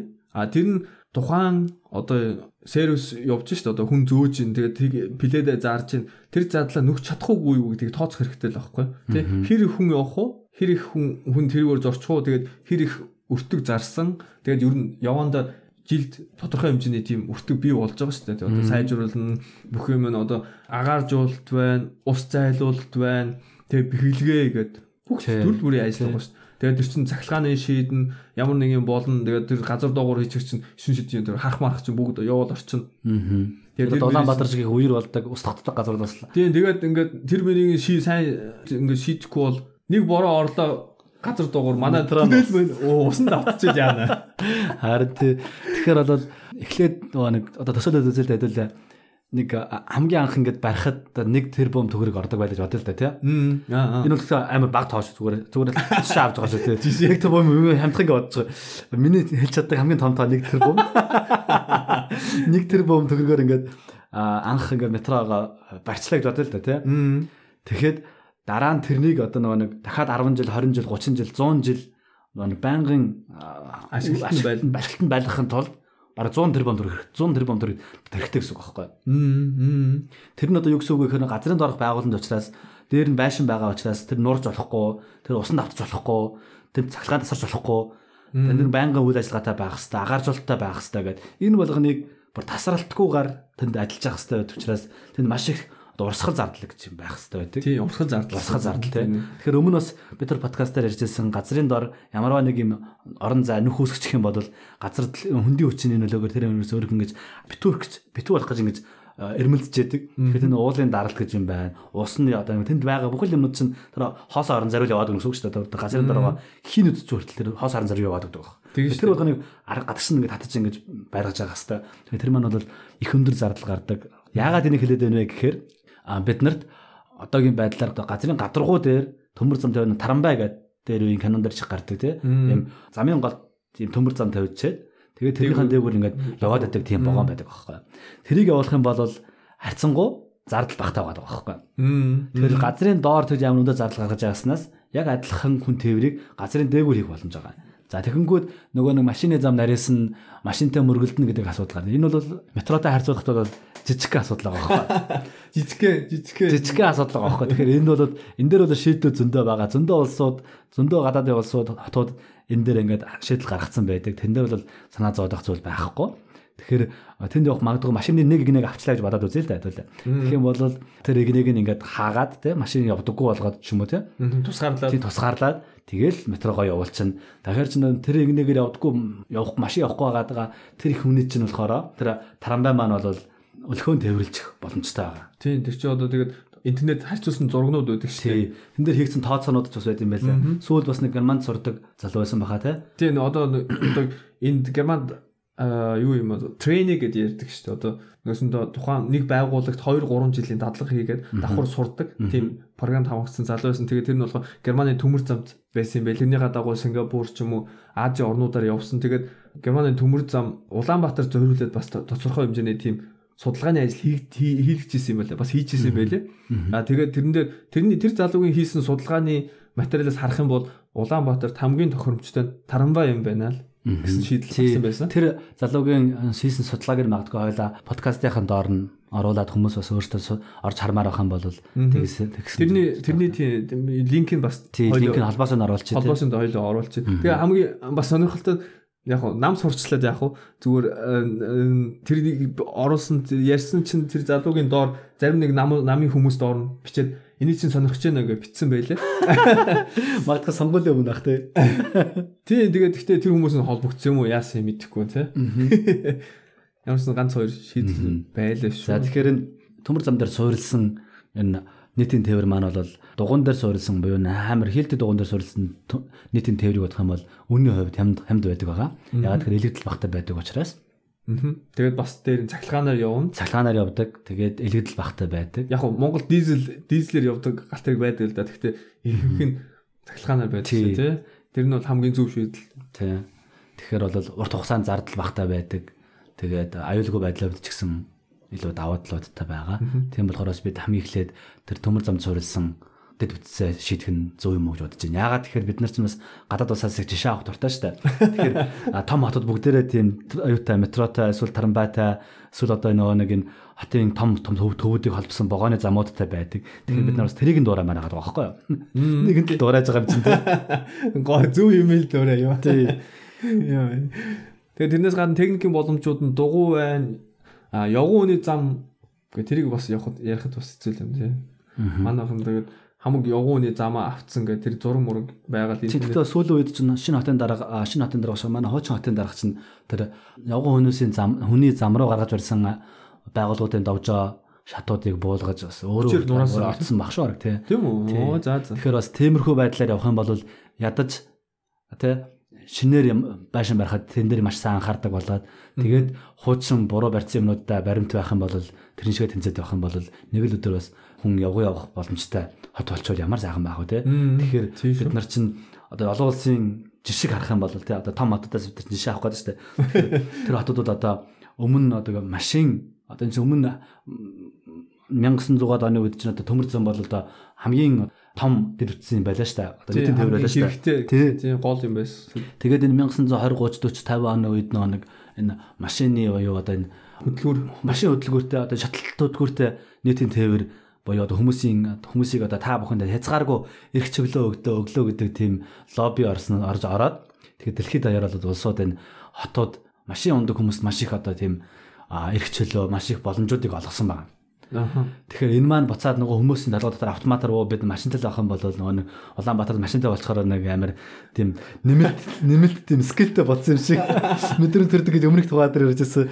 Яг тийм болчтой юм шиг байгаа гэж би бодоод байгаа. Тэгэхээр тэрийг одоо хотод буцаад авч байгаа. Тэгэхээр юу гэсэн үг гэхээр та машинтай болвол танд одоо заавалж одоо парклах зай байх хэвээр машин замууд нь одоо хаасаагүй машинд очиж болдог байх хэвээр гэдэг тийм боломжийг одоо олгоод олгоод олгоцсон байсан бол одоо тэрийг буцаад авч байгаа гэсэн. Санаа нь том хотуудын төвд одоо ингээд машин явдаггүй гудамжуудыг бий болгоод одоо машингүй гудамж гэсэн үг шүү дээ. Тий зөвхөн алхахдаг эсвэл дугуй ундаг. эсвэл дугуугаар явж болдог, эсвэл алхаа явдаг, эсвэл метрогоор ч юм уу тийм юмар явж болдог. Тий газар доогуур. Тэгээ газар доогоор явж болдог тийм. Тэгэхээр машинтай хүмүүсийн тэр юунуудыг нэмэлт юмнуудыг одоо аваад байна гэсэн үг. Тэгэхээр бас олон улсын жишг харах юм бол магадгүй ингээд бид нар боо юм болгоод Улаанбаатарга хаана л хаана очиж машинтай явж болдог юм супер болгоцсон чинь том хотууд маань тэрийг хийхэ болоод аль зур 20 жил 30 жил болцсон байх юм бол жоохон харамсалтай. Тэгэхээр бас бид нар энэ олон улсынхаа трендийг бас харах зөв бодож байна. Тэгээ бас хүн амынхаа эрүүл мэндийг бодсон ч Тий, тий. энэ маань буцаад нөгөө хүн ам эрүүл мэндэд холбоотой. Гол нь бол тэр шүү дээ. Хүн амын эрүүл мэнд тий. Хотын зохион байгуулалт тэгээд байгаль орчин гэл тий. Хот дотор амьдрах чинь одоо нэг хүүхдүүдтэйгээ гадаа ингээ суугаад ингээ гоё байгалыг мэдрэх гэсэн чинь тий амар их машины утаа багадах юм бол тэр чинь хэцүү. Тийм учраас ерөнхийдөө хотоо хотод хотынхон төвийг маш бага машин явдаг болгоход зорж адилж байгаа. Энэ нэргээд хот дотроо хүмүүс амьдрахад их таатай нөхцөл бүрдэж эхэлж байгаа гэсэн үг шүү дээ. Тэгэхээр чинь одоо хот амьдрахын зөвхөн байшин суух нь хотод амьдрахын давуу тал биш. Хотод өөрөө амьдарж байгаа газар өндөр бас ингээд жижигхэн паркуудтай тэндээ ингээд ороо үдшин ингээд зугааж болдог, шүлэг цаг өнгөрөөж болдог, эсвэл гүүж харааж болдог ийм боломжуудыг олгосож байгаа гэсэн үг. Тэгэхээр ийм трендүүд ер нь бол явж байгаа. Аа тэгээд техникийн боломжууд нь тэр нь- тэр дундаа бас манайхан бас нэг камер суурилсан байл шүү дээ. Нэг аппликейшн хөгжүүлээд тэр нөө замын хөдөлгөөн хяндаг замын хөдөлгөөнд хяндаг тэг харуулдаг хаана хаана илүү төгжрэлтэй байна. Тэгээ бүр камерын дараад Яг бүр дүрсний харж болдог. Дүрсний лайв үзэж болд юм биз дээ. Тэр одоо тэр зам нь хэр их машин байна. Тэр амар сонирхолтой санагдсан. Бүр тийм хийцэн байгаа нь бүр тийм. Тий. Яг бүх хүмүүс мэддэг юм уу мэдгүй. Харин тэр бас одоо хардлах юм шүү. За би ч одоо баруун дөрвөн замаар дамжаад талбаагаар дамжаад за одоо ингээ хаашаага 32-ын тойрог орох юм байна гэх юм бол тэр тойрогууд ерөнхийдөө нэг төгжрөл нь ямар байгааг харж болох нь шүү дээ. Харин Тий. Аа да уул зурууд нь тий ямар шиг байгааг тий. Тэгээ тэр ойл их дажгүй санагдсан. Манай ах бас яг тэгдэг байрныхаа цонхоор ингээд хойд нарны замын хөдөлгөөн харагддаг. Гэрээсээ гарахаас өмнө ингээд цонхороо хардаг. Тэгээд нарны зам амар дүүрэн байх юм бол өөр замаар явдаг. Эсвэл ма- машинаар алхаа явдаг ч гэдэг юм уу те тэгж явдаг гэсэн тийм. Эсвэл баг за за цагийн дараа гарчи. Тий эсвэл яг тийм байдал байгаа. Тэгээд цаг гоё гэртээ гоё гоёжаад тийм. Тэгэхээр тийм боломжууд бас байна гэсэн үг шүү дээ. Бид нарт бас боломжууд техникийн боломжууд зөндөө байна. Тэрийг бас ашиглаад заншчул те. Сурчул тий. За тэгээд хотын гадуурх тойрог замууд бас байна. Тэр бол байгаа шүү дээ тий. Тий одоо нөгөө Улаанбаатарын урдлаас нь хойдол гарахын бол заавалчгүй талбайгаар дамжиж биш. Тэгээ өөр замаар явдаг. Хэд хэдэн тийм боломжууд байгаа байх хэрэгтэй үзэж байгаа. Тэгэхээр хамгийн сонгодог жишээ бол одоо уулын арын зам гэдэг шүү дээ тий. Баян зүрхийн төвчнөөс уулын араар явсараад нисэх орчдөг. Тэр зам байдаг. Тэр бол одоо жишээлх юм бол Улаанбаатарын төвөр орох шаардлагагүй бол хамгийн оновчтой зам болж байгаа. Тэгэл тойрог- төвчрөл багтай. Харамсалтай нь одоо зайсангийн хавьд бас амар төвчрдөг болсон байсан. Яа тэгэхээр нэг зайсангийн хавьд айгүй хөөлхөний төвөд гин яг тэр зам дээр ингэ байдаг. Тэнгүү чин тэн дээр чин хүмүүс ингэ айгүйх очролтой. Төвчрэлтэй болсон тий.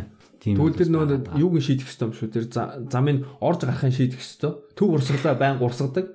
А харин тэр тэр Хажуунаас орж иж байгаа байгаа хүлээдэг байх хэрэгтэй. Хүлээдэг болох хэрэгтэй юм шүү тийм. Тий. Тэгэхгүй бол гол зорилго нь биелэхгүй шүү дээ тийм үү. Одоо магадгүй ингээд манайх чинь хойдлоотой одоо энэ долоон бодлын ам улаан бодол дарихын ам дамб гээл те.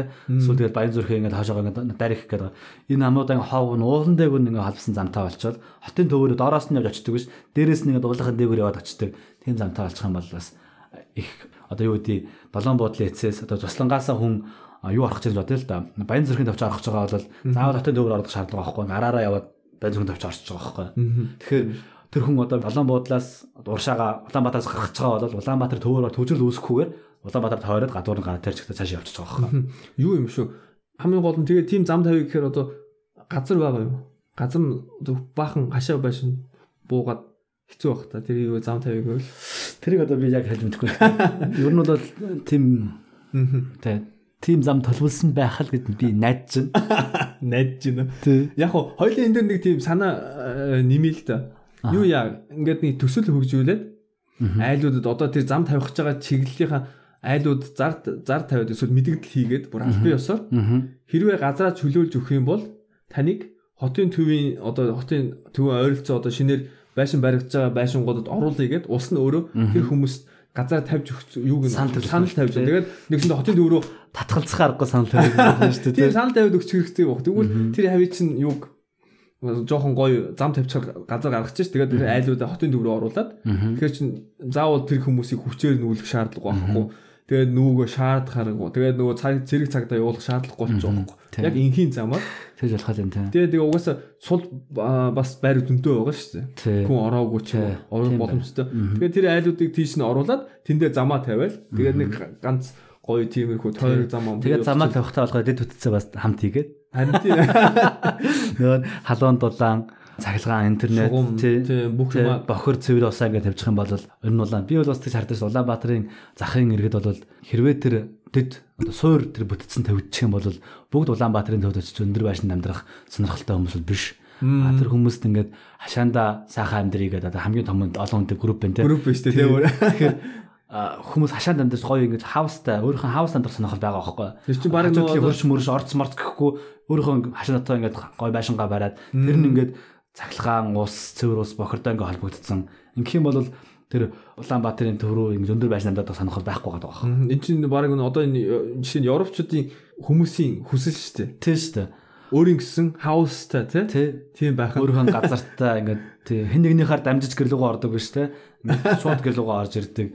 Тэгээ энэ нь ерөнхийдөө бол энэ өндөр орон сууцнд амьдрах гэж явдаг юу бол магадгүй нэг төр хугацааных л аа. Тэгээд дэд бүтцэн хөгжөөд ингээд гоё сайжирчих юм бол хүмүүс аяанда гоё хавсаад амьдраад аваад тий байшингаа бариад амьдрах болов гэж бодож шүү дээ. Мгм. Ер нь бол яванд тэх байх л та тий. Тэгэл ирэхээр угаасаа аяанда Улаанбаатарын төв төгжрөхэ болоод Улаанбаатарын төв рүү очиж хүмүүс байгаа байлаа шүү дээ. Хм тийм шүү нэрээ. Одоо бүх юм цахимаар Тий. барыг Захимаар явдаг болохоос Улаанбаатарын төв рүү орох шаардлагаоос баг байхгүй. Магадгүй нөө Сүхбаатарын төдөр зураг авах ч хаяа аадаг тий. зураг авах болох гэж. Окей. Окей. За тэрний за тэгвэл хоёулаа одоо ер нь зохион байгуулалт тал руугаа ярьчлаа шүү дээ тий. Техникээс гадна зохион байгуулалт тал руугаа. Тэрнээс гадна өөр зохион байгуулалтын Бас нэг нэг такси үйлчлэгийн талаараас байгаад байгаа тий. Тэгэхээр хүмүүс нөө хувь одоо хуваараа такси яадаг нөө халтур хийнэ гэж ярьдаг шүү дээ. Аа за тий тий тий тий. Тийм юм байгаад байгаа. Тэрийг бол бас тэр хүмүүс бас нөгөө нэг албан ёсны зөвшөөрлгүй, албан ёсны одоо татвар төлдөггүй тийм байж одоо Улаанбаатарын төв- төвжрэлд одоо нэмэлж байгаа гэсэн үг шүү дээ тэр хүмүүс чинь. Ер нь бол тийм Татвар хийгээд яваад байгаа яваад байгаа гэсэн үг шүү дээ. зүгээр л яваад байгаа байхгүй. Тий, Зам тэнд тий тэнд яг хүн суух үгүй тодорхойгүй ингээд дэмий яваад байгаа гэсэн үг шүү дээ. Тэгэхээр такси үйлчлэгээ утсаар дууддаг. Тэгээ яг ингээд уцаа дуудсан газар нь очдог байхan бол тэр олон машинууд чинь бас ингээд замын хөдгөөс гарчиж байгаа байхгүй. Мм дими яваад байхгүй. Тий. Тэгэхээр тэр хүмүүсийг бас хэрвээ мэдээж хориглох биш те. Та ингэж болохгүй биш. Гол нь та ингээд бүтгэлцчих юм бол та нэг бяцхан татвар төлөх юм бол таны нийгмийн татвар чинь төлөгдөнө. Та ингээд дараа нь ажиллаа хийж чадахгүй болчих юм бол татвар юу аавн тэтгэмж аавн Тэтгэмж боломжтой тий. ингээд таны энэ ажилласан жилд орно морно гэдэг ингээд ийм юмнуудаар урамшуулаад тэр хүмүүсийг бүртгэлжүүлчих хэрэгтэй байгаа юм. Тэгээ бүртгэлжүүлснийхэн дараа бол зохион байгуулалтыг бүрэн боломжтой. Магадгүй тэр хүмүүс хүн бүртгэлжээд ингээд ирсэн чинь үнэхээр такси баримаар болж. Тэгэх юм бол альбасны таксины компаниуд нэгдээд хоорондоо нэгдээд таксины компани яг альбасны такси байж болох байхгүй. Тийм бүр Тэгэх юм бол зүгээр зогсоод авах шүү дээ. Нэгж байгаа байхгүй тий. Тэгэхээр яг зогсоод байх биш. Ер нь бол яг ингэдэг юм байл л дээ. Тэр яагаад тэр хүмүүс нөө альбасны таксид ажилгүйхээр нөө нэг таксинууд нь цаанаас амар өндөр шаардлага тавиад байдаг. Одоо заавалчгүй тэдэн төрөний орлого олсон байх хэрэгтэй гэдэг юм уу те. Тэгэхгүй ингээд цалингаа ингээд аваад тэгээд илүү сайн ажиллах юм бол магадгүй юу авдаг гэж болно шүү дээ. Бонус ч авдаг юм уу те. Тэгэхээр үндсэн амьдралынх нь нөө суур юм нь одоо үндсэн цалинтай байх юм бол бас их амар тэр хүмүүст даваа тал үүсгэж байгаа байхгүй. Мм. мм. А тэгээд нэр дээр чи яриадсан шүү дээ автобусны жолооч нар зөөсөн цалин шүү дээ. нийтийн тээвэр яагаад нөх хүмүүс бас нэг а, хүртээмжгүй байгаад байна. Тийм хүртээмжийн талаар ярих гэж мартсан байсан. Мм. Тэгэхээр нийтмийн тээвэр хүмүүс одоо ингээд машинтай явснаас за за автобусын цугаа явж хавьгаа амар хялбар те.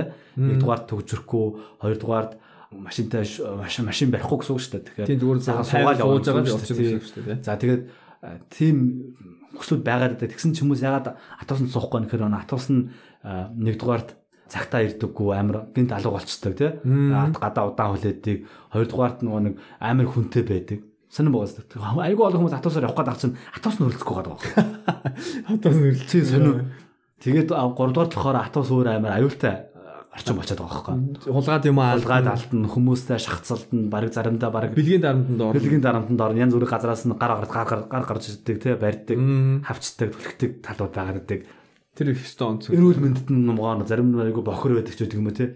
Тэгэхээр энэ юмнууд дээр бас ажиллах хэрэгтэй байхгүй. Энэ асуудлаа шийдчихэд бид нар ингээд атос ингээд суугаа явахаар одоо 40 хүний судалтай бол дараа хамгийн ихтлээ гэд нэг тий 40 хүн суудаг. Судалгааны тоогоор явдаг гэсэн үг шүү дээ ийм болчих юм бол за яах вэ оргил үедээ вэ нэг те 50 хүн ч 60 хүн суудаг те бос үед нь ингээд хүмүүс суудлахын тоогоор зорчдөг байх юм бол тэнд суух хүмүүсийн нөгөө юу нэмэгдэж байгаа байхгүй хүсэл нь хүсэл нэмэгдээд ирэхээр аяанда тийм гоё атус явдаг. Тэгэл 10 минут болгоно 10 минутаас илүү хадис атус хүлээхгүй гал хотын гоё реклам хийгээл те. харин бол тэгээ атус 10 минутаас илүү хүлээх юм бол та шууд гомдол мэдүүлэх хэрэгтэй гэдэг юм уу те. Сарын бэлээ дээр шагнуулна маануулна гэх юм бол хүмүүс ерөөсө 10 минут ирэхгүй юм шууд шууд утастаа хэлээ шүү дээ те. Тийм сурчлагаа хийгээл тэгээд хүмүүс ингээ атусаар явах тийм гоё боломж нь бүрдээд ирэх юм бол хинч хүмүүстэй тэнд алдсан байран атус дараа нь хүмүүстэй хэзээ хэнтэй мөргөлчих болоо шүргэлцчих болоо гэж айхгүй. Машин тавих газар олдохгүй гэж байхгүй. Машин ачуулчихна гэж айхгүй. Тий за тэгээд маш байрны гадаа машин холгоо авчих болоо гэж бас айхан байхгүй. Ингээд ирэхээр чи аяндаа нөгөө нэг хүмүүс атуусаар явдаг болоод тэр машинтай хүмүүс машинтай байх нь хүнд юус давуу тал биш. Хамгийн онцгүй одоо амар зохион зохион байгуулалт муутай хүний юу болчих. Шинж болоод. Тий. Тэгэхээр жинхэнэ хотын иргэн бол тэгээ атусаар явдаг, нийтийн тээврээр явдаг, тий. Вагоноор явдаг. Жишээ нь одоо энэ Штутгарт хотод үндсэн уугуул иргэдэн машингүй гэж байгаа байхгүй. Тий. Яагаад одоо тэр настай хүмүүс асуугаад ингээ ярьцгаа та машинтай машингүй яагаад бол угаасаа нийтийн тээвэр байна тий. Тэр одоо энэ трамвай, автобус одоо метро бүх юм байгаа гэж байгаа байхгүй. Би машин байх шаардлагагүй. Тэр чинь татвар төлнө, бензин аавна. Тий. Тийм болохоор бас нэлээд олон иргэд машингүй байдгийн байлээ бүр. Би бас гайхажсэн. Тэгэхээр бас цаанаас улс нь өөрөө зохион байгуулсан байгаа байхгүй тий. Тэгээд тэр яг тэр хориглохгүйгээр зөвхөн ингээд дэмжээд те зөв гэж бодож байгаагаа дэмжээд буруу гэж байгаагаас илүү татвар тавиад ингэж яваад байгаа юм. Урамшууллын зарчим гэдэг чинь яасан.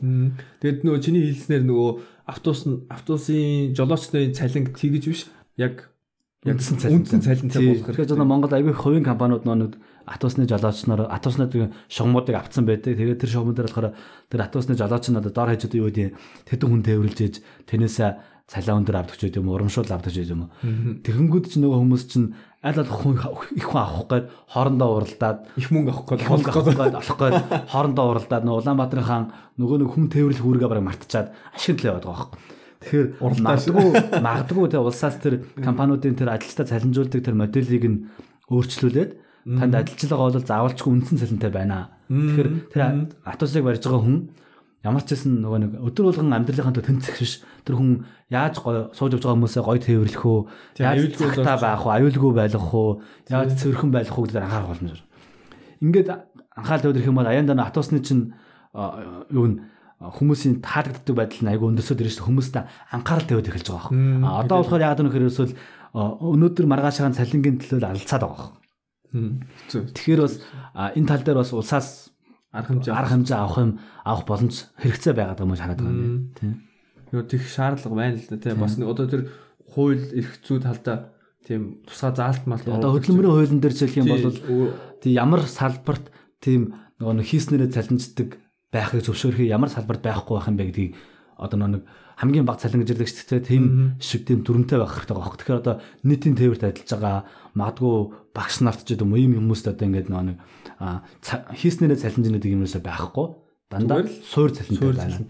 Тэгээд магадгүй бүр тариф байж байгаа шүү дээ. Тийм нэрээ бүр тийм тусгай юутай. Тийм энд чинь нийтийн тээврүүд дандаа тарифтай байдаг шүү дээ. Тийм дүү тогтсон нэг тарифтай. Тэгээд тэрнийхээ дагуу илүү удаан ажиллах тусам цалин нэмэгдээд автоматар нэмэгдээд автоматар нэмэгдээд тэр санаа зовдох юм байхгүй тийм.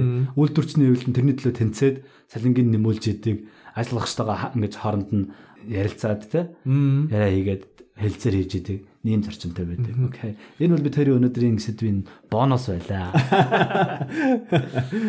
Тэгээд тэр хот зохион байгуулалтаар бит хоёр бас ярих ярих бас тусгай ярина. Аа. Тийм хот зохион байгуулалтын талаар бас энд ямар байдгүй бас өөрсдийнхөө мэрэгчлээ холбоотой болохоор бас энэ төр та бүхэнд бас тусгай тусгай дугаар хийж хөргөх болно. Аа.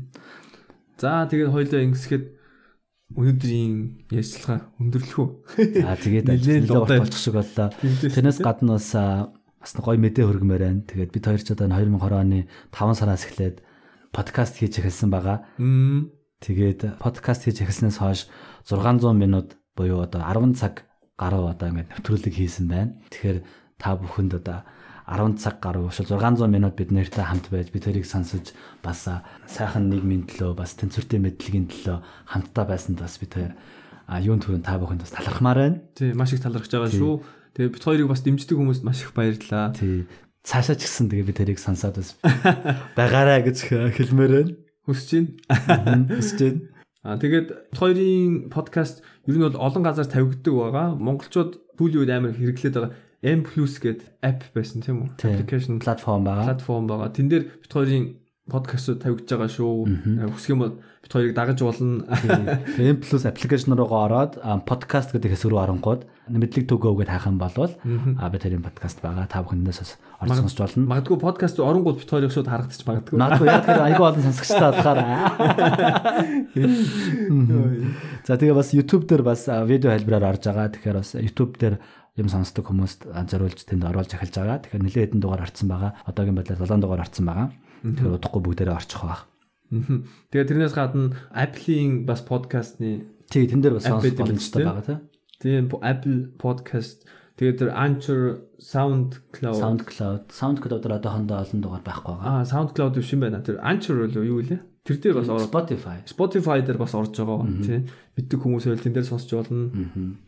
Зөв зөв. Тэгээд бас бид хоёрт бас ганц нэг хүмүүс шинээр сонсож байгаа би тэрийг дундаас нь сонсож байгаа хүмүүс асуулт ирсэн байсан. Энэ хоёр ямар учиртай хоёр хүн ингэж юм яриад байд юм бэ гэдэг тийм. Юу мэддэг болоо яриад байгаа юм. Тийм хүмүүст мэдлэг түгүүг юм өгөөд ахын тэгээ одоо ямар учиртай өөрөөсөө хийм бэ гэдэг. Тэрийг сонирхож байгаа хүмүүс байх юм бол бид тэрийн хамгийн ихний дугаарыг ороо сонирхоорой. Тэн дээр бид тэр өөрсдийнхөө тухай бас танилцуулж ярьсан байгаа. Тэгээ яагаад энэ нэвтрүүлгийг хийж байгаа тухай бас ярьсан байгаа. Тийм учраас та бүхэн бид тэрийн хамгийн ихний дугаарыг орж сонсоорой гэж хүсэж байна.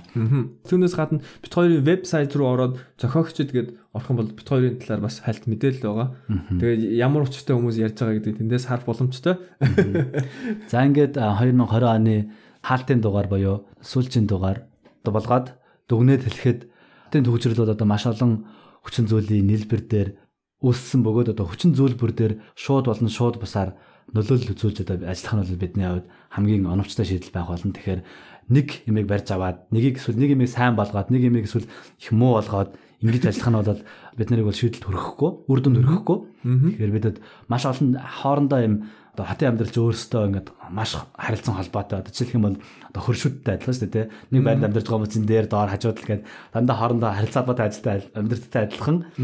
Хотын төвчтэй тэнцэд бас маш олон нөхцөл зүйлүүд дээр бид нар ажиллах хэрэгтэй байгаа.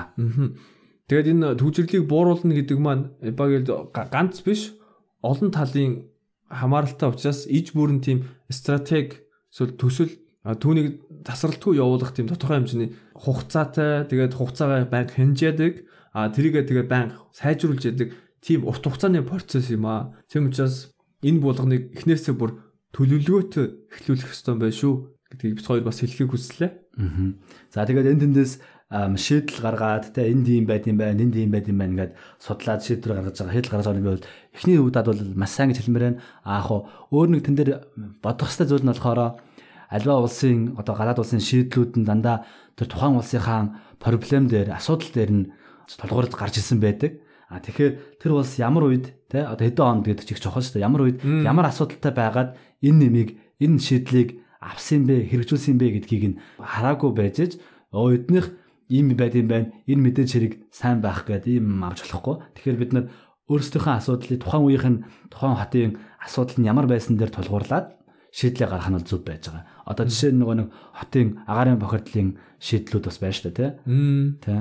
Тэгэхээр ямар улсаас шийдэл авж байгаагаа хамаараа тухайн үед ямар асуудал үүсээд энэ шийдлийг гаргасан бэ гэдгийг сайн судлах нь эсвэл одоо өөр ямар шийдлийн боломжууд байснаас алийг нь сонгосон юм бэ гэдгийг бас их чухал байдаг. Уялдаа холбоо уялдаа холбоотой байдаг аахгүй дээ. Уялдаа холбоог нь л ойлгох хэрэгтэй л ажил тий.